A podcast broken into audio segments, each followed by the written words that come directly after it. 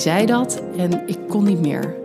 Ik, ik dacht echt, er was een deel van mij dat dacht, hé hey, persen, dat betekent kind komt eruit. En er was een deel van mij dat dacht, ik kan niet meer. Ik dacht ook, ik weet niet hoe ik dit ga doen. Het is fijn dat het mag, ik weet niet hoe ik het ga doen. Dus ik, ik riep dus ook, ik wil een keizersnee. Hoi, je luistert naar de laatste aflevering van seizoen 5 van Podnataal. De podcast waarin je bekende en onbekende vrouwen over één van de belangrijkste gebeurtenissen in hun leven hoort vertellen: de bevalling. Je hoort in deze podcast alleen maar te gekke vrouwen, vind ik, die hun verhaal open en eerlijk van begin tot het eind met jou willen delen. Ik hoop dat het je inspireert en steunt en ook dat je toch een soort verbinding voelt dankzij de verschillende verhalen. En dat het je misschien een beetje helpt in de voorbereiding of de verwerking van je bevalling, of misschien zelfs allebei. Je zult horen dat het er op sommige vlakken bij iedereen weer anders aan toe gaat, en op andere vlakken is het misschien juist weer heel herkenbaar voor je. En sommige gevoelens zijn nou eenmaal universeel. En dat gevoel van voor het eerst moeder mogen worden, dat is gewoon magie. Ik ben Simone Wijnands, moeder van een zoon en een dochter en ik maak potnataal. En dit is het verhaal van Amber. Mijn naam is Amber Brandsen. Ik ben 31 eh, jaar, presentator van het NOS-journaal en van de NOS Formule 1 podcast. En ik ben vijf maanden geleden bevallen van een dochtertje, Taylor. Als ik een top 10 zou moeten maken van mooie stemmen, dan staat Amber zeker ver bovenaan. Het is dat ik verder weinig op heb met Formule 1, sorry Amber, maar alleen al voor haar stem zou ik graag luisteren naar haar podcast. En daarnaast is ze natuurlijk, zoals je niet ontgaan kan zijn, inmiddels ook al een aantal jaar een vertrouwd gezicht als het aankomt op het nieuws. Wat ik zo leuk en bijzonder aan haar vind, is dat ze ondanks haar positie als nieuwsanker, een belangrijke plek, ook niet bang is om zichzelf van haar persoonlijke kant te laten zien. Dat deed ze al eens door een boek te schrijven over een eerdere moeilijke periode uit haar leven en nu dus ook in deze podcast. En dat vind ik mooi en goed. Want je kunt namelijk prima heel goed en professioneel zijn in je werk en daarnaast ook nog gewoon mens. Een heel leuk en knap mens trouwens ook nog eens. Ik voel me vereerd dat ze met me wilde terugblikken op haar eerste bevalling, die dus nog niet zo heel ver achter haar ligt en die eigenlijk een beetje als een verrassing begon. Ik had totaal geen idee van dat ik zou gaan bevallen, want ik zat uh, in week 37 nog maar. En het uh, was mijn eerste kindje, dus ik dacht, nou, uh, dat, dat laat echt nog wel op zich wachten. En je hoort dan ook wel eens dat in coronatijd de babytjes wat later komen. Um, kennelijk omdat de vrouwen heel relaxed zijn en dan, uh, ja, dan komt het minder gauw op gang. Dus ik dacht in week 37 echt nog niet aan bevallen. Maar ik had wel uh, echt wel een dag of vier harde buiken. En um, ik, ik zat te, te bedenken, ja, wat zijn dat dan? Zijn dat de oefenweeën? Weet ik veel. Ik maakte het allemaal voor het eerst mee. Uh, en ik sprak een vriendin en die zei: Ja, het zou kunnen dat je een blaasontsteking hebt. En uh, dat moet je wel even laten checken, want dat is, uh, kan gevaarlijk zijn voor, voor jou, voor het kindje.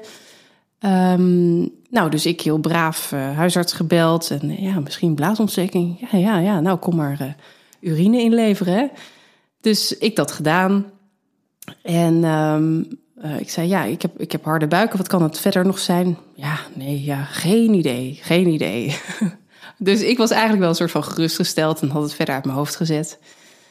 Um, toen ging ik um, na vier dagen dus van harde buiken, ging ik uh, die dag uh, lunchen bij een vriendin. Drie kwartier rijden. En zij was vijf maanden eerder bevallen. En zij uh, had niet alleen een lunch, maar echt een hele high tea voor me georganiseerd. Echt een halve baby shower. Het was super lief. En het ging natuurlijk alleen maar over baby's, want zij had net een baby en ik zou een baby gaan krijgen. En we hebben de hele middag eigenlijk alle mogelijke oorzaken van die harde buiken op een rij gezet, behalve een naderende bevalling. En uh, de huisarts belde ook. Die zei, nou, urine ziet er prima uit. Uh, geen blaasontsteking. We zetten het nog op kweek. Je kan morgen nog eens bellen. Maar nou, er is helemaal niks aan de hand. Het rommelt gewoon een beetje. En ook niet even de verloskundige gebeld voor... Nee, nee. Ik, ik nee.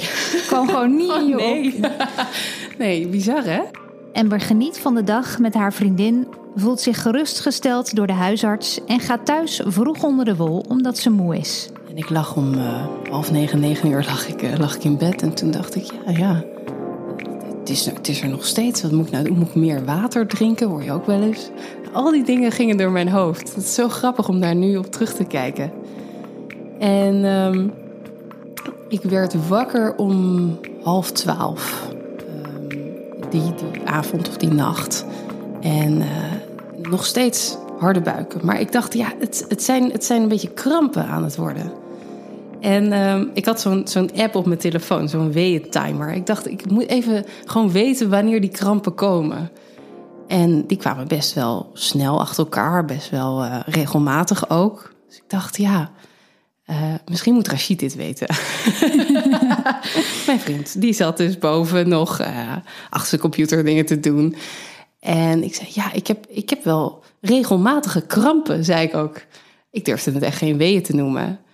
En toen zei hij, ja, hoe regelmatig dan? Ik zei, ja, 2,5 minuut, zoiets. En dan gaat het weer weg en dan komt het weer. Oh ja, ja. Wanneer moet je dan de verloskundige bellen? Nou, dat, dat had ik dus helemaal niet scherp, uh, want dat zou nog heel lang duren.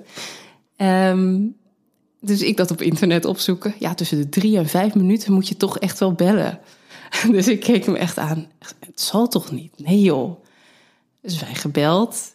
En uh, die zei, nou ja, dat klinkt eigenlijk wel als een redelijke start van. En ik was helemaal, ik was helemaal van me apropos. Ik, ik snapte er helemaal niks van. Ik dacht, nee, ik had me echt ingesteld op. We gaan ver over die 40. Ik ga me uh, afvragen wanneer dat kind nou uiteindelijk komt. Ik ben ongeduldig. Ik had dat beeld had ik. Ja, en dat is ook natuurlijk heel vaak bij de eerste. Ja. Dat het inderdaad, ja, dat je meestal wel over de uitgerekende datum ja. Uh, gaat. Ja, en dat gevoel had ik ook heel sterk dat dat bij mij zo zou zijn. En um, nu werd me ineens midden in de nacht verteld: ja, misschien komt er wel een kind. Na de eerste verbazing is er eigenlijk meteen een opgewonden gevoel. Van oeh, oeh spannend, oeh, leuk. Um, dus we zijn samen naar beneden gegaan en uh, hebben daar uh, een beetje op de bank gehangen.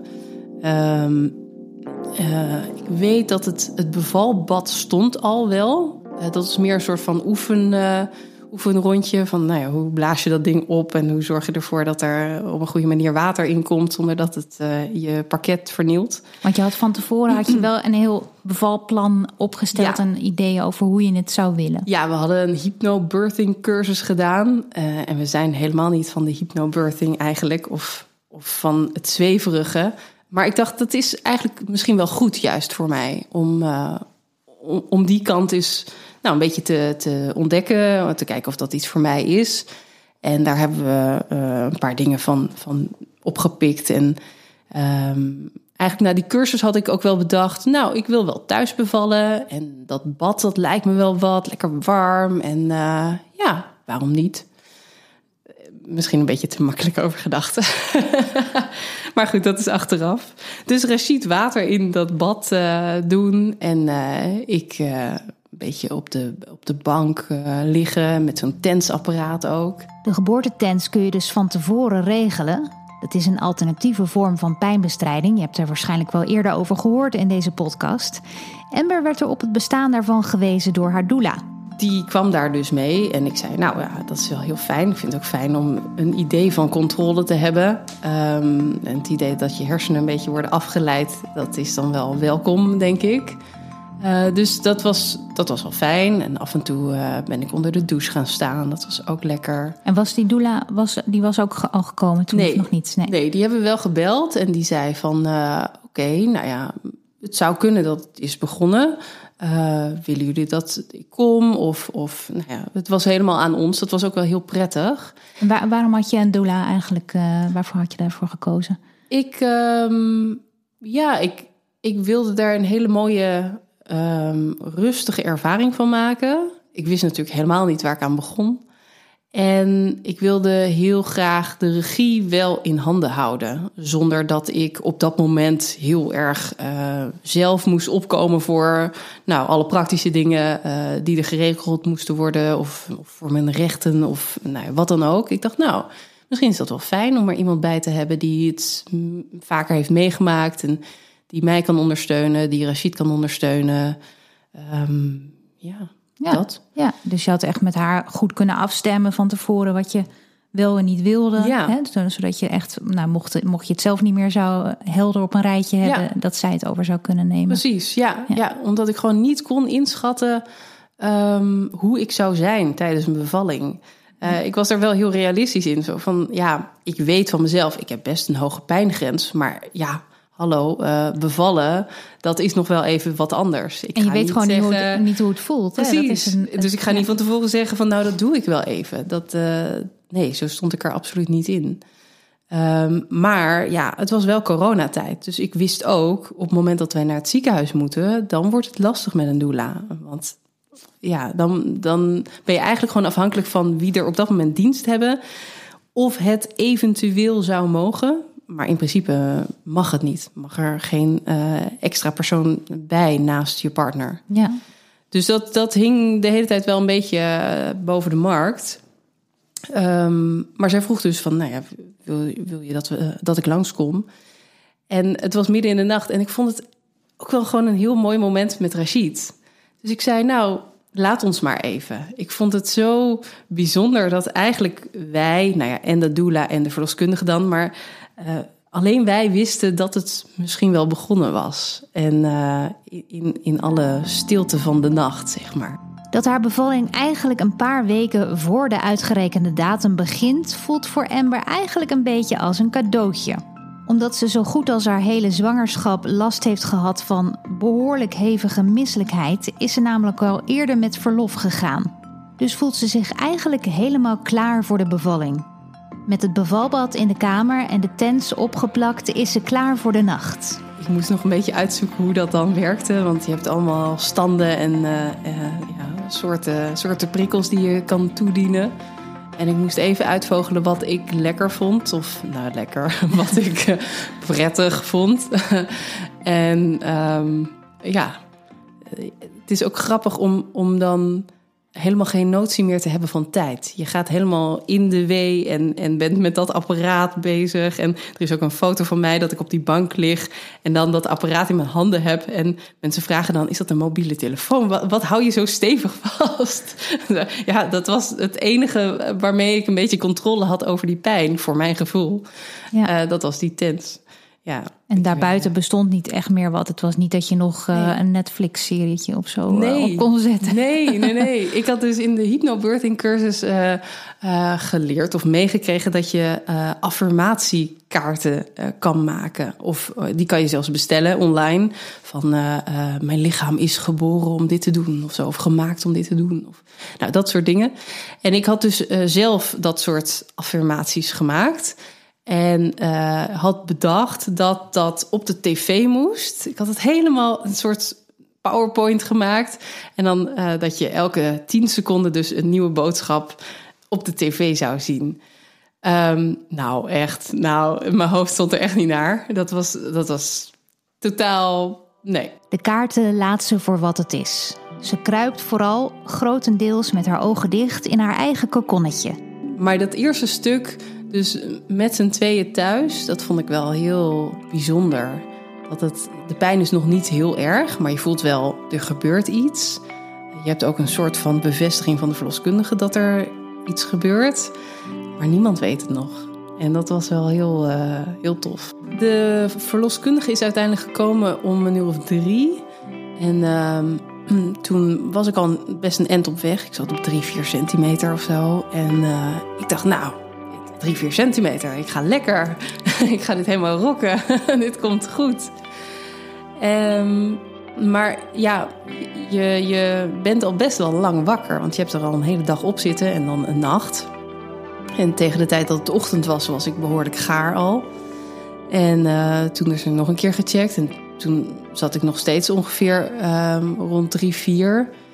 En toen dacht ik, ja, nu vind ik het iets minder leuk worden. Maar oké, oké, weet je, bevallen is niet leuk. Het hoeft niet leuk te zijn. Ehm, en ik weet nog dat die verloskundige zei... nou, ik ga mijn dienst overdragen aan mijn collega. En ehm, ehm, die collega had weer een vergadering aan het eind van de dag. Dus zij zou vanaf vier uur zou ze er weer zijn. Maar zij zou ons niet meer zien. Het kindje zou echt voor vieren zou het geboren worden. Dus ik echt zo, wow, voor vieren hebben wij een kind. Het was ook weer een soort nieuwe energie. Dat, dat hielp heel erg. Ehm, eh, ik wist natuurlijk helemaal niet wat me te wachten stond. Maar ik was, ik was erg, ja, ik was echt pumped. Ik vond het echt heel leuk. Ehm, toen belde de, de nieuwe verloskundige, uh, ergens halverwege de ochtend, hoe gaat het? En toen waren de weeën best wel, best wel pittig, um, maar ze werden wat onregelmatig. En toen uh, hebben we afgesproken dat ze een paar uur later nog eens zou bellen. Um, en wij zijn in slaap gevallen na dat telefoongesprek op de bank, want we waren natuurlijk allebei helemaal gesloopt. Ja. en um, zij belde dus, zoals afgesproken, om te vragen hoe het ging. En wij werden helemaal verward, nou, vooral ik, werd helemaal verward wakker, want ik had anderhalf uur geslapen. Um, en geen wee gevoeld. Dus het was ergens een soort van, oh lekker, ik heb even geslapen, maar waar zijn de weeën? Uh, dit is niet goed. En ik had af en toe nog een wee en die was best pittig. En dan een kwartier niks, of misschien nog wel langer niks. En toen zei de verloskundige: Ja, misschien is het toch niet begonnen. Nou,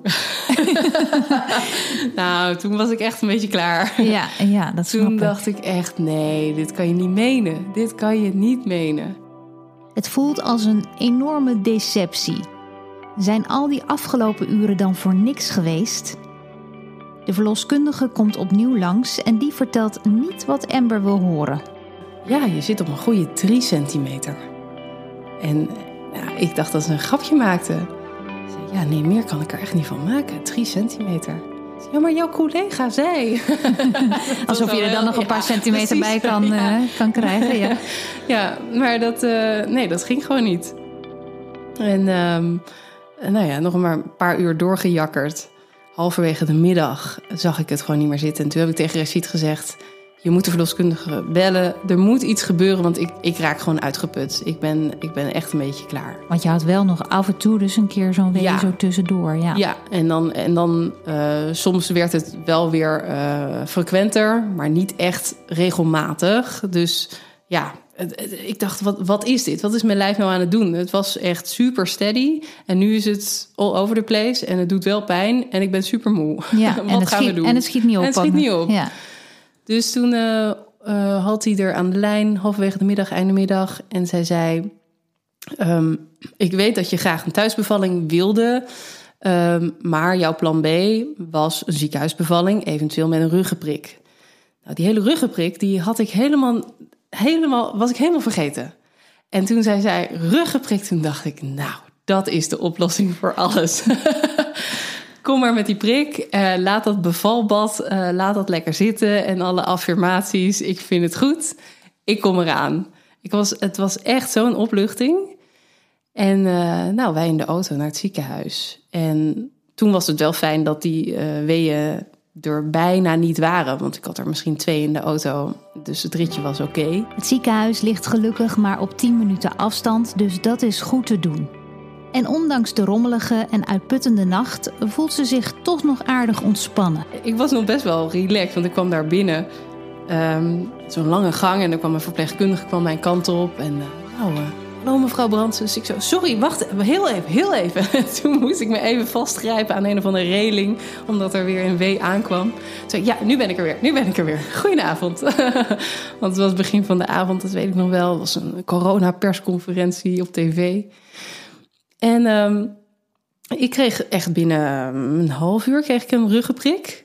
En dat was geweldig. Het was echt dat ik dacht, nou, waarom heb ik dat niet eerder gedaan? Het is, het is briljant. Want waarom was je de eerst, had je het eerst eigenlijk niet echt als optie? Uh... Um, nou, ik vond de sfeer van thuis, um, daar, ja, dat, dat vond ik heel erg aantrekkelijk. En het feit dat de doula erbij mocht zijn thuis. En ik wist dat dat in het ziekenhuis moeilijk zou worden. Ja. En dat is ook gebleken, want die doula mocht er uiteindelijk ook niet bij zijn. Want jullie hebben toen nog wel contact even met haar gehad om Ja. te kijken of het zou kunnen eventueel. Ja, zeker. En eh, zij heeft nog het ziekenhuis gebeld en Rashid heeft het daar nog geprobeerd. Eh, maar het mocht echt, echt, echt niet. Ehm, zij heeft nog aangeboden om via de telefoon ondersteuning te bieden. Maar toen dacht ik echt van ja, ik weet niet. Daar was soort van geen ruimte voor in mijn hoofd. Ik dacht, ik weet niet hoe ik dat moet doen. Moet ik nog aan de telefoon met iemand zitten? En ik wil het ook met Rashid doen. Vooral met Rashid doen. Dus ja, dat heb ik toen eigenlijk gelaten. Vond je dat lastig? Op dat moment niet. Achteraf denk ik wel, ja, dat, dat is echt een gemiste kans geweest. En ook echt jammer. Kwalijk is een groot woord hoor, maar echt wel een gemis dat dat niet mocht in het ziekenhuis. Echt wel een gemis. Ja. Want zij weet natuurlijk alles over je voorkeuren. En we hebben tot in den treuren hebben we doorgesproken. Ehm, dus zij kan echt voor jouw eh, wensen staan. Ehm, en, en dan kan je partner er gewoon voor jou zijn. En, en die hoeft dan niet eens eh, helemaal in gesprek met artsen en dergelijke. Ehm, dus ja, dat vond ik jammer. Dat vond Ja. ik wel jammer. Maar goed, op dat moment dacht ik... gooi er een prik in, ik vind het al lang best. Amber heeft een goed bevalplan, weet wat ze wil en niet wil, maar is ook gewoon heel nuchter. En ik had ook van tevoren wel bedacht van... eh, thuis eh, staat voor mij op één en in dat bad, dat, dat lijkt me ultiem. Maar ik ben hartstikke realistisch en ik weet ook dat heel veel, zeker eerste bevallingen, gewoon in het ziekenhuis eindigen. En ook best wel vaak met pijnstilling. En dat zie ik ook niet als falen of toegeven aan. Of dat het kan. Het is gewoon een optie en het is een prima optie. Dus eh, dat voelde verder ook niet verkeerd voor mij. En ik had me er helemaal in verdiept, want ze hadden een nieuw soort ruggenprik met een, een knop. Dus dan kan je jezelf eh, doseren. Natuurlijk nooit overdoseren, maar je kan dan... ehm, dus als je een wee voelt, kan je een beetje extra geven. En het voordeel daarvan is dat je je benen blijft voelen. En je blijft wel wat pijn voelen, zodat je ook weet... eh, nou ja, op een gegeven moment als je moet gaan persen en zo. Dus je, je houdt die verbinding met je lijf in plaats van dat je helemaal verlamd raakt. Dus dat leek me wel wat. En ehm, die kreeg ik. En ik was er dus heel blij mee. En toen hebben we lekker gegeten. En dus die persconferentie nog, eh, nog gekeken. En er is nog een foto van mij dat ik echt eh, breed lachend eh, daar, daar zo zit. En bijna, nou ja, het was toen alweer avond. Dus een soort van anderhalve dag ben je dan wakker. Een, een kort dutje. En ik dacht, nou, dit komt wel goed. Ze heeft nieuwe energie opgedaan en is nog steeds vol vertrouwen. Haar ontsluiting zit dan op rond de 4-5 centimeter. Dus het ging nog niet echt heel rap. Ehm, maar ze zeiden, ja, je hebt nu een ruggenprik, dus wij kunnen weeënopwekkers erin gooien. Dat zeiden ze niet zo, maar ze zeiden, wij gaan eens even wat weeënopwekkers toedienen. En we beginnen rustig en dan voeren we dat op. Dus ik, prima, doe wat je moet doen. Eh, ik zag eh, op de monitor ook dat het, har- de hartslag van het kindje super sterk was. Dat ging helemaal goed. En ik dacht, ja, ik voel het toch niet. Dus kom maar door. Ik ben ook wel klaar om nu eh, te gaan bevallen, want het Ja. duurt al even. Een beetje actie in de Ja, tent. zeg een beetje ja. actie in de tent, ja. Ehm, en toen, ik denk, ja, het is lastig, een notie van tijd, hè, maar ik denk dat die ruggenprik, die ehm, was op een gegeven moment leeg. Dus de eerste spuit, zeg maar, met die medicatie. En toen werd die eh, verwisseld. En eh, toen begon een beetje de ellende, want ik begon steeds meer pijn te voelen. En ehm, dat is natuurlijk heel raar. En dat zei ik ook, van jongens, ik weet niet, eh, er gaat hier volgens mij iets niet goed. Ik, ik weet niet of ik dat zo rustig zei. Ik zei dat waarschijnlijk iets anders, maar ik zei wel, ik heb pijn, ehm, die ruggenprik zit niet goed. Kan iemand dat checken? Ehm, toen is er iemand gekomen en die eh, heeft het apparaat gecheckt en het, eh, de, de eh, hoe heet dat, naald in mijn rug. En dat was allemaal goed. En ehm, ja, ja, geen idee. De rugprik zit er gewoon in. En ondertussen kreeg ik extra weeopwekkers. Want de laagste dosis deed niet zoveel. En dan moest het meer, meer, meer. Ehm, en ik maar op die knop drukken. Uh, en mijn gevoel van controle lekker daarop botvieren. Mm. Van ik mag meer, meer, meer.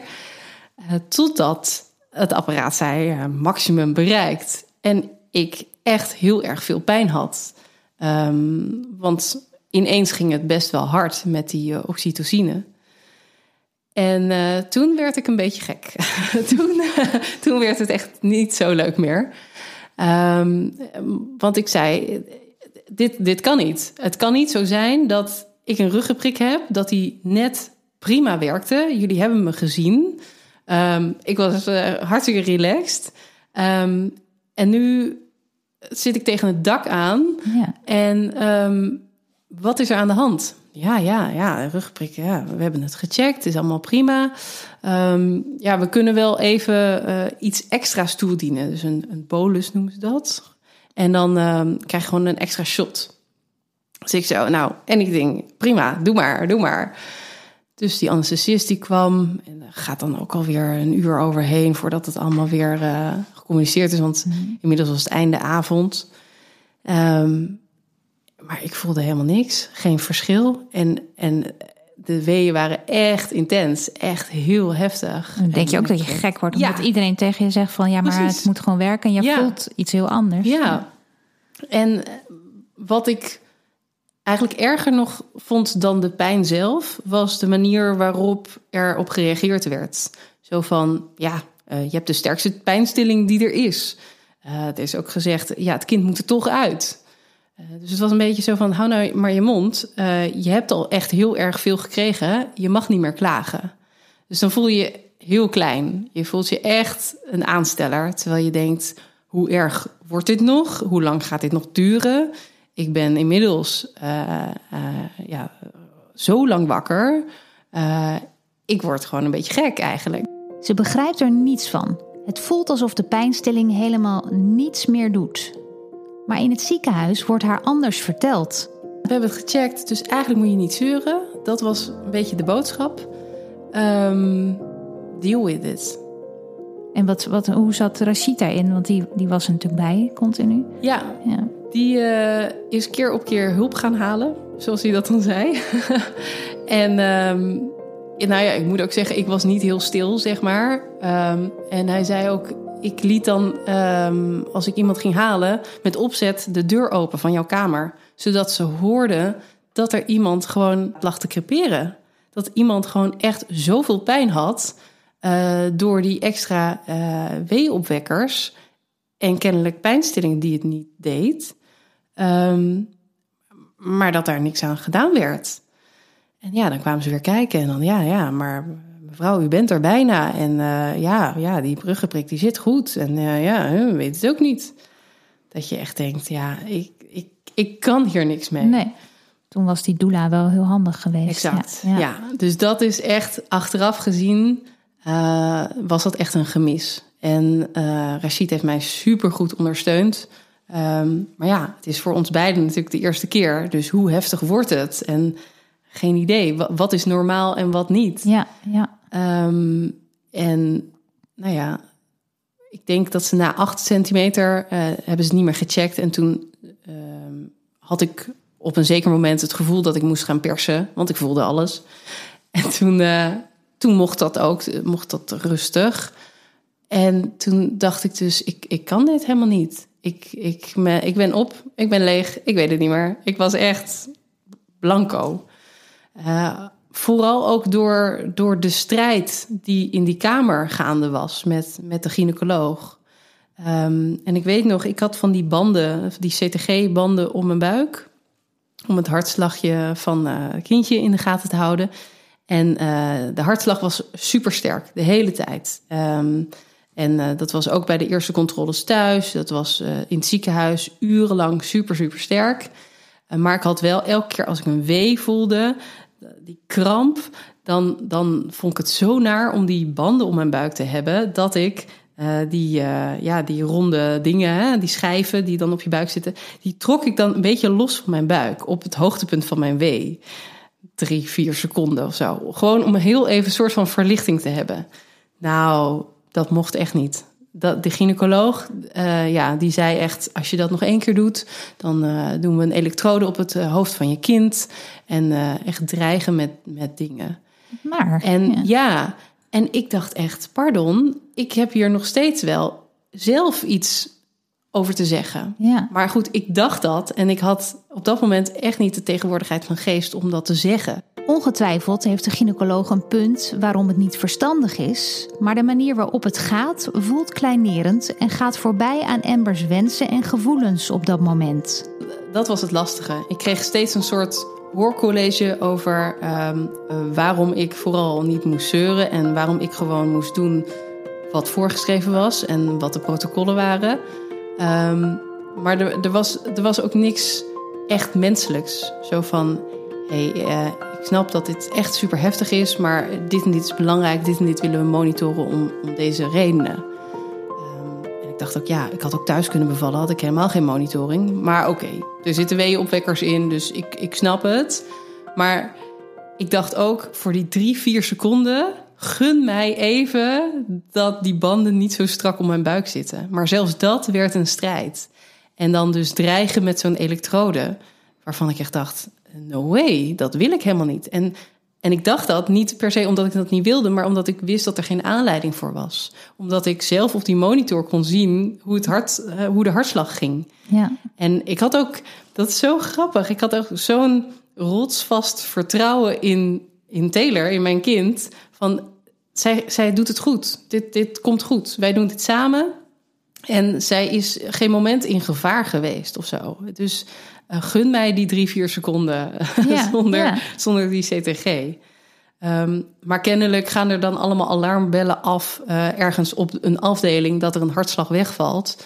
Um, dus dat is gewoon protocol. Ja. Maar dan denk ik, misschien moet je kijken naar degene die in het bed ligt en die uh, het doormaakt. Ja, ja. Dus dat... Er werden nu echt alleen maar die protocollen gevolgd en er werd eigenlijk Ja. niet echt naar jou geluisterd Ja. of naar jou gekeken. Super veilige Ja, ja. protocollen. Eh, Zeker, dat zeker. Maar er werd inderdaad niet gekeken naar hoe ligt iemand erbij en, en kunnen we dit van haar vragen of kunnen we even eh, het anders doen. Ja. Eh, de verpleegkundige die, eh, die zag dat gebeuren en zij was echt mijn redder. Zij heeft die banden eraf gehaald en die schijf met haar hand gewoon tegen mijn buik gehouden, zodat die banden niet zo super strak zaten. En dat was prima, dat was de oplossing.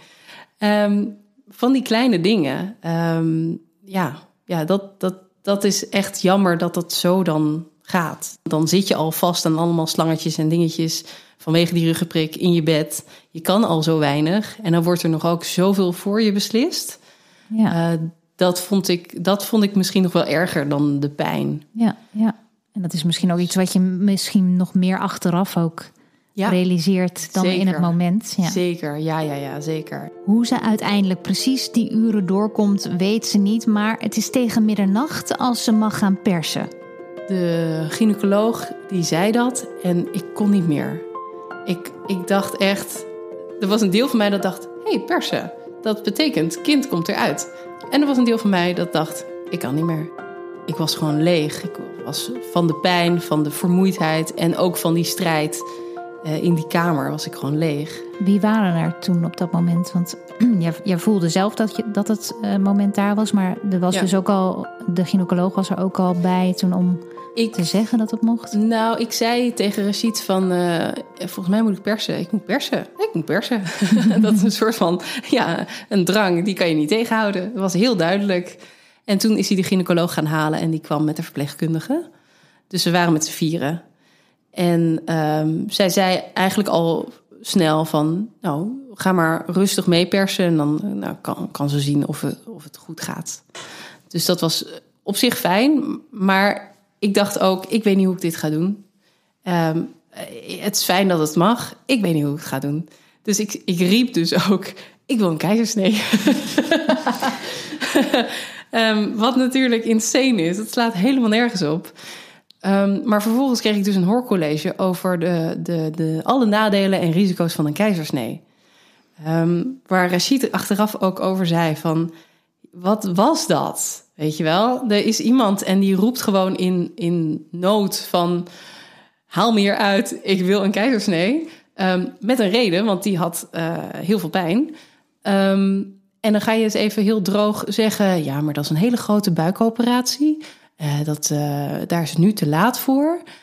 Nou, dat soort dingen. Het, ja. het hielp allemaal niet. Echt, echt protocollen en weinig menselijk Precies, aan. Ja, ja. ja. Um, nou ja, op een zeker moment liep de spanning zo hoog op dat um, Rachid, de gynaecoloog en verpleegkundige, even de kamer uit heeft gestuurd. Um, heeft het twee keer moeten vragen, want de eerste keer wilde ze niet gaan. Uh, dus de tweede keer um, is ze schoorvoeten toch maar gegaan. Terwijl ik dus al persdrang had. Maar Rachid dacht, ik moet even de zaak neutraliseren hier.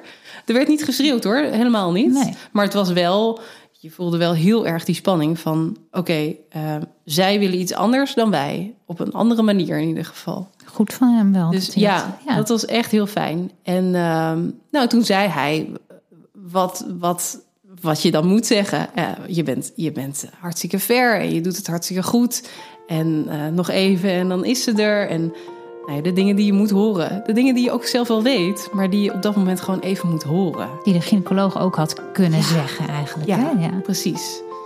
En uh, nou, toen mochten ze weer terugkomen om het klusje af te maken. Um, en um, toen ja, wilden ze mij eerst in een bepaalde positie hebben. En dat kon ik niet. Van de pijn was mijn hele lijf verkrampt. Ik kon het niet. En dat zei ik ook. Ik kan dit niet. Jawel, kom op. En zo ik, nee, ik ga dit niet zo doen. Ik ga het anders doen. Ik ging op mijn zij liggen en toen nou, ging ze akkoord en uh, was het er met drie kwartier. En toen was de strijd was, was gestreden. En ik weet nog dat ik had in mijn geboorteplan dat ik haar zelf graag wilde aanpakken. En um, toen was ze er. En toen zei de gynaecoloog, pak haar maar, pak haar maar. En ik dacht, oh ja, ik was aan het bevallen. Er kwam, er kwam een kind. Ik was zo aan het strijden tegen, tegen die gynaecoloog. Dat ik eigenlijk uit het oog was verloren waar ik echt mee bezig was.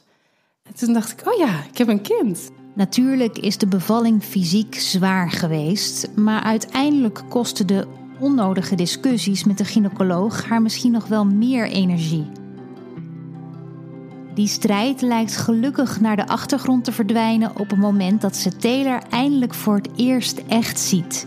En het gekke was, als ik er nu aan terugdenk, vind ik dat heel gek. Maar ik heb haar dus op het kussen tegenover me neergelegd. Dus niet op mijn borst, maar ik wilde naar haar kijken. Ik wilde, ik wilde even, ik moest heel even landen en even zien wat er, wat er dan ter wereld was gekomen. En toen zeiden ze uiteraard van leg hem maar op je borst, lekker warm. En dus toen kwam ze al snel bij mij. Maar ik moest echt even, oh ja, ik heb een kind. Daar was ik mee bezig. Nu ze erop terugkijkt, had ze eigenlijk in die laatste drie kwartier persen pas het gevoel dat ze de controle over haar bevalling weer een beetje terug kon pakken. Toen had ik het idee dat ik het goed deed. Want toen was het. Uh, ja, goed zo en ga zo door. En eigenlijk werd er niet veel toegevoegd, maar dat was prima. Ik voelde dat mijn lijf het uh, deed. En ik kreeg ook de bevestiging van hen dat het goed ging. Uh, dus het was ook een soort van: ik zal jullie laten zien dat ik dit wel kan. Um, en, en, en alles was een soort van gericht op meegaan met wat mijn lijf nu aangeeft. Um, en dat was de eerste keer dat ik me echt een soort van empowered voelde in die hele bevalling. In, in ieder geval in het ziekenhuis. Um, omdat het altijd, of tot die tijd, steeds was van: wij gaan jou even vertellen hoe het moet. En jij volgt dat, of jij ondergaat dat. En nu was het: nee, ik ga zo liggen, ik ga dit en dit doen. En jullie mogen zeggen of dat goed is. En dat was goed. En, en dat was zo anders en zo fijn. Um, en ja, wat dat betreft vond ik het persen uiteindelijk heel erg fijn en een opluchting, zowel mentaal als lichamelijk. Ja, want je dacht eerst dat je het niet meer zou kunnen, maar ergens is dan toch die energie vandaan eh, gekomen. Ja. ja, dat kwam dus echt nadat Rashid even uh, de arts de kamer uit had gestuurd. En toen, ja, toen kwam ik weer even, even, even terug op aarde en, en bij mezelf. En toen zei hij ook, we gaan dit samen doen. En uh, jij kan dit. En um, ja, let's go. En laat een beetje uh, de, de, de artsen voor wat ze zijn. Zij grijpen in als het niet goed gaat. Maar vertrouw erop dat je het kan. En dat, dat had ik gewoon even nodig. Ja, ja. En op dat moment kan je dat niet, of kon ik me dat even niet bedenken. Maar dat was wel precies wat ik nodig had. Ja, ja dat blijkt. Ja. En weten ze nu, of weet je achteraf, ben je erachter gekomen waardoor die ruggenprik zijn werk niet meer deed? Ja, ja, want de volgende ochtend werd ik afgekoppeld. En toen kwamen ze erachter dat het koppelstuk van zeg maar, het deel dat in het apparaat gaat en het deel dat in je rug gaat, dat dat los was geschoten. Dus waarschijnlijk lag de medicatie naast mijn bed op de grond. Wat stom. Ja, Ja, echt, echt- super Echt knullig. stom, ja. En die verpleegkundige van de ochtend die zei ook: ik, ik schrik hiervan, ik schrik hiervan. Dat was het enige dat ze zei. Dit kan echt niet, kan echt. Ik ga hier melding van maken. En toen dacht ik: ja, oké, kan. Ja, ja wat heb je er nog aan? Nee, aan. nee, nee, natuurlijk, ja. Ja, Jeetje, wat stom. Nou ja, ja. Ja. ja, je, je kunt niet anders dan je er inderdaad dan bij neerleggen. Maar het is wel jammer. Het had niet is- gehoeven, zeg maar. Het had een hoop geschild. Ja. ja. En weet je, je weet dat het pijn doet. En eh, je weet ook eigenlijk dat het anders zal lopen dan je in je hoofd hebt. En dat is in principe prima. Eh, en ik ben heel erg dankbaar dat er niks echt medisch mis is gegaan. Weet je wel, dat zij, dat mijn dochter in gevaar is geweest, of, of misschien ik. Eh, dus dat is heel erg fijn. Het is natuurlijk gewoon kwalijk dat ze, dat ze het hebben gecheckt, eh, dat lijntje van die, van die ruggenprik, en dat ze dit niet hebben opgemerkt. En het is kwalijk dat als je de zwaarste pijnstilling krijgt die er beschikbaar is, ehm, en pijn blijft voelen, heel veel pijn blijft voelen, dat aangeeft keer op keer dat dat niet geloofd wordt en dat je nog steeds zo wordt behandeld. Dat is jammer. En het is gewoon jammer dat je die ervaring, eh, ja, je kan het niet meer overdoen, hè? En je kan het niet terugdraaien. Het is zoals het is en het was onnodig. Ehm, dat is het vooral. ja. Het was onnodig. We keren even terug naar het moment dat ze Taylor voor het eerst bij zich heeft. Ze weet nog goed wat ze toen zei. Nou, ik riep alleen maar: Ik hou van jou, ik hou van jou. Mama houdt van jou. ja, ja, er was zo'n opluchting. Ehm, maar ook ja, dat ik dacht: Oh ja, nu moet ik je beschermen. En, en hoe moet dat dan? Moet ik dan, dan moet ik mijn arm om je heen. En eh, aan de ene kant heel onwennig, aan de andere kant ook zo duidelijk van mij. En, en, en, en jij mag nooit meer weg. En ik ga je beschermen tegen de boze wereld. Waarvan ik het idee had dat ik daar dus net even echt in zat. Ehm, dat ik ook dacht, oké, nu moet iedereen weg. nu moet ik met Rashid en met Taylor zijn. En nu wil ik even niks meer. En geen mensen die mij vertellen wat ik moet doen. En ik moet even weer ademhalen, ja. En toen eh, zijn ze ook de kamer uitgegaan. En hebben ze ons, ik denk, anderhalf uur eh, zo gelaten. Ik denk dat ik echt anderhalf uur in dezelfde houding, vooral met mijn ogen dicht, met haar heel dicht bij mij, heb ge- ge- gezeten, gelegen, ja. En wat was ze zoals je had voorgesteld van tevoren? Nee, ik, ik, ik had me er geen voorstelling van gemaakt. Ik kon het me nee, niet voorstellen. Ze zeiden bij de laatste echo die we hadden gemaakt rond week mm, nou, 30, nee, iets later, 34, 36 misschien zelfs, 34. Zeiden ze, nou, ze heeft best wel wat haar. Eh, we meten 8 millimeter. en wij echt zo, woehoe, 8 millimeter. Nou, ze kwam toch met een bos haar naar buiten. Dat was echt bizar. Dus eh, dat was wel heel leuk. En ze had wat krulletjes. En die heeft Rashid ook. En ik wilde heel graag dat ze krulletjes zou hebben. Eh, maar ze kwam er natuurlijk ook wel een beetje gebutst uit, zoals baby's eruit komen. En ik dacht, ja, jij bent dan mijn kind. Dat is, dat is geweldig. Ik vind dat, ja. Maar het, eh, ja, eh, het was zo mooi en verwarrend en, en alles tegelijk. De placenta volgt daarna snel en verder voelt ze zich eigenlijk relatief goed. Ik was eh, moe, maar super voldaan en, en heel trots op haar. Heel grappig, heel Ja. trots op mijn dochter. Ook dat, dat die hartslag steeds zo sterk bleef. Dat ik dacht, zie je nou wel? Toch samen gefixt. Ja. ja, ja. Ik wist het, ik wist het. Na zo'n anderhalf uur met z'n drieën samen zijn en hun dochter bewonderen, oppert Rashid tegen de ochtend dat het misschien wel tijd wordt om de familie maar eens in te gaan lichten. Oh ja, nu moeten we de ouders gaan bellen. Ik zat zo helemaal, nou bijna stoned, lekker te spacen op het feit dat ik een kind had. En uh, toen hebben we als eerste mijn moeder gebeld, gevideobeld. En het was een beetje, het was een beetje uh, raar. Of althans, zij had de dag ervoor, dus de dag dat ik al weeën had, had zij mij geappt. Hoi, hoe gaat het? Wat ben je aan het doen? En ik dacht, ja, ik, ik, wil, ik wil nog heel even met Rashid in de cocon blijven. En nog even het geheimpje van ons houden. Uh, dus ik zei, ja, ik ben met een vriendin op stap. ik bel je morgen of zoiets. Zo, helemaal gelijk schuldig gevoeld. Maar oké, ik dacht, dit komt wel goed. En ja, toen werd ze gevideobeld uh, om vijf uur s ochtends, denk ik. En uh, door Rashid. En die zei, ik wil je even voorstellen aan iemand. En toen, ja, toen zag ze Taylor en mij. Het was het gelijk...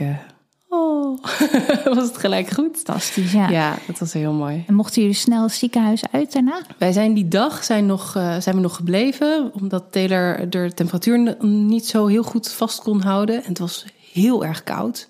We zaten in de week voor echt dat het echt met bakken naar beneden kwam, de sneeuw. En dat was echt heel heftig. Maar het was toen al best koud. En uh, ze was dus iets vroeg. Dus ze hebben er met drie kruikjes in een bedje gelegd. Met plastic dekentjes en zo. En op het moment dat ze de temperatuur goed kon houden, uh, mochten we naar huis. En dat was dan nou, begin van de avond, zoiets. En dan ben je opeens als kerstvers gezinnetje thuis. En begint de carousel van slaapjes en voedingen. En dat is in het begin altijd even wennen.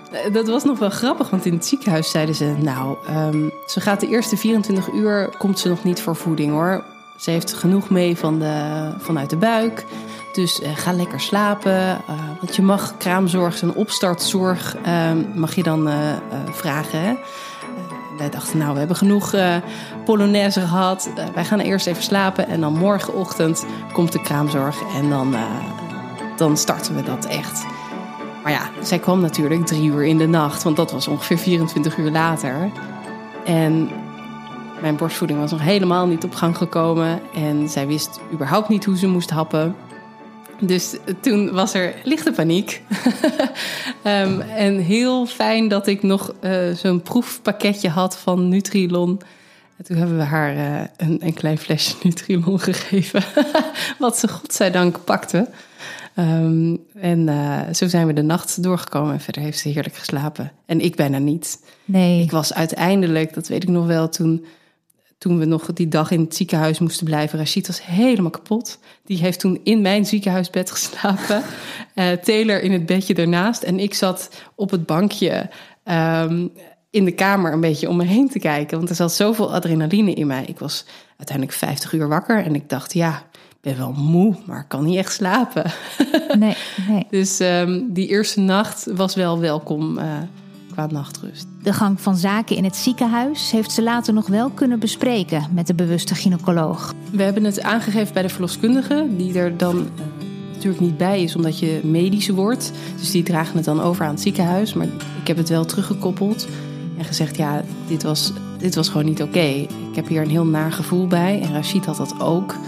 Um, ik denk wel eens dat het voor hem nog wel heftiger moet zijn geweest om, om het zo te aanschouwen en eigenlijk weinig te kunnen doen. Um, zij hebben toen contact opgenomen met het ziekenhuis. En het was denk ik een maand later. Er is echt wel wat tijd overheen gegaan. Dat was maar beter ook, denk ik. Um, dat de gynaecoloog belde. Ineens. Ik kreeg eerst een sms van het ziekenhuis. Morgen heeft u een telefonische afspraak met de afdeling gynaecologie. Toen dacht ik, oh, oké, interessant. u wordt gebeld. Oké. En toen werd ik uh, dus inderdaad ineens gebeld. En dat ging uh, over de bevalling. En uh, zij zei: Ja, um, de bevalling, jouw bevalling staat me nog heel erg bij. Dat was dus een maand later.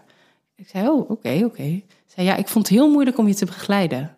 Toen dacht ik: Oh, gaan we zo'n gesprek hebben? Um, zei: Ja, ja, nee, ik, uh, ik, ik, kon, ik kon geen goed uh, contact met je maken. En toen dacht ik: Nou, het is goed dat je belt. Ik, ik moet misschien even mijn verhaal kwijt. En toen heb ik ook gezegd: um, Weet je, alle protocollen die er zijn, zijn er met een reden, dat snap ik. En ehm, ik snap waarom jullie dingen doen. En ik ben heel dankbaar voor wat jullie doen en dat er een ruggenprik beschikbaar was. Ehm, maar ik had heel graag andere begeleiding gehad. Ik had andere begeleiding nodig. Um, ik heb er, er toen ook op gewezen dat op het moment dat ik mocht persen en ik riep: Ik kan niet meer, ik wil een keizersnee. En zij een halve hoorcollege daarover gaf, dat dat niet hielp. En toen zei ze in eerste instantie van. Ja, maar dat was ook geen optie op dat moment. En, en, en je deed het zo goed. Ik zei, nou, dat had ik wel graag willen horen. Dat ik het goed deed. Want dat, dat geeft me dan een soort nieuwe impuls om, uh, om door te gaan. En ik ben niet helemaal gek. Ik weet heus wel dat een keizersnee, dat komt niet op aanvraag. En zeker niet als je al mag persen. Dat wilde ik ook niet echt. Ik wilde eigenlijk gewoon gehoord worden. Ja. En ik zei ook, ik heb ook geroepen, en dat heb ik ook geroepen, dat ik dood wilde. Ik wilde niet echt dood, zei ik. En toen viel het kwartje. Toen zei ze, oh ja, ik snap hem. Toch wel gek, hè? Dat, dat, je denkt, nou, zo'n zo gynaecoloog, je moet toch continu barende vrouwen voor zich zien. Uh, Die, ja, je, je bent nou eenmaal niet helemaal 100% jezelf meer op dat moment. Precies. Ik zei ook, er moeten toch alarmbellen afgaan als je iemand zware pijnstilling hebt toegediend en ze ligt er nog zo bij. Dan, dan moet er toch iets in je zeggen: dit gaat niet goed. Laten we heel even checken waar hier iets misgaat. En laten we even stoppen met die uh, weeënopwekkers. Het kindje gaat goed, de moeder gaat medisch gezien ook goed. Laten we even luisteren naar de moeder. Dat had ik graag gewild. Dat is echt het enige. En um, is er nog best wel boos over dat die ruggenprik is losgeschoten. En dat is ook super knullig. En dat, dat, dat ontneemt je ook een, een mooie ervaring. Of de ervaring die ik graag had willen hebben, tuurlijk. Maar ik vind het nog veel kwalijker dat er niet naar me is geluisterd. En dat er geen begrip was. Um, dat vond ik echt nog wel moeilijker om, om mee te dealen achteraf. Heeft zij nou uiteindelijk wel een bevredigend uh, antwoord naar jouw idee daarop gegeven? Dat je, ja. er meer, ja, dat je het meer uh, los kan laten? Ja, ook juist misschien wel omdat ze het gesprek inging met... nou, ik vond het heel moeilijk om je te begeleiden. Dat ik dacht, oh, dit wordt een heel vervelend gesprek. En aan het eind, je hoorde haar denken. Je hoorde haar luisteren. Zo van, oh ja, ik snap het nu. Dat zei ze ook. Ik snap wat je bedoelt. Um, daar heb je gelijk in. Ik had dit anders moeten doen. En ze heeft ook echt excuses gemaakt. En ze zei ook: um, Wil je een klacht indienen? En ik had echt nul behoefte om dat te doen. Ik zei: Nee, dat, het, gaat, het gaat niks veranderen aan mijn bevalling. Um, en het, het brengt jou of u in de problemen misschien. En dat wil ik helemaal niet. Maar ik denk dat het meest waardevol is dat je van mij hoort hoe ik het heb beleefd. En, en dat daarvan wordt geleerd. Dat is het enige wat ik wil. En ik heb echt geen wrok en ik heb ook geen trauma. En weet je, het, het is wat het is. En ik geniet hartstikke van mijn dochter en vanaf minuut één. Um, maar ik wil wel dat er, dat er aandacht voor is. Dat er um, gewoon wordt geluisterd. Het is een belangrijk pleidooi van Amber. Zoals ze zelf al zei, je kunt je bevalling maar één keer doen. En juist daarom is het zo belangrijk dat je je als vrouw gehoord voelt. Ook al lopen dingen soms anders dan je van tevoren denkt. Als je je maar gehoord voelt, dan kan dat een wereld van verschil maken. Kleine Taylor is inmiddels vijf maanden en het gaat hartstikke goed. Ze rolt de hele kamer rond, dus dat uh, gaat uh, al rap. Ze is bezig met de oefenhapjes. Dus uh, pompoen en wortel en spinazie en erwten. En ze vindt het allemaal even lekker en interessant. Ja, ze is zo leuk. Ze is superleuk. Je hoorde het verhaal van Amber. De laatste aflevering van seizoen 5 van Podnataal. Ik ga even op een lange vakantie. Maar hou mijn Instagram in de gaten over de start van seizoen 6. Ga daarvoor naar @podnataal en je kunt mij daarnaast ook persoonlijk volgen via @simonewijnands Verder zou je ook nog kunnen overwegen om vriend van de show te worden. Dat is een manier om podcast financieel te steunen. En daarvoor ga je naar vriendvandeshow.nl slash podnataal. En mocht je dat nog niet gedaan hebben, abonneer jezelf dan nu op deze podcast in je podcast-app. Want dan kun je nooit meer een aflevering missen. Heel veel dank voor het luisteren en tot een volgend seizoen. Dag!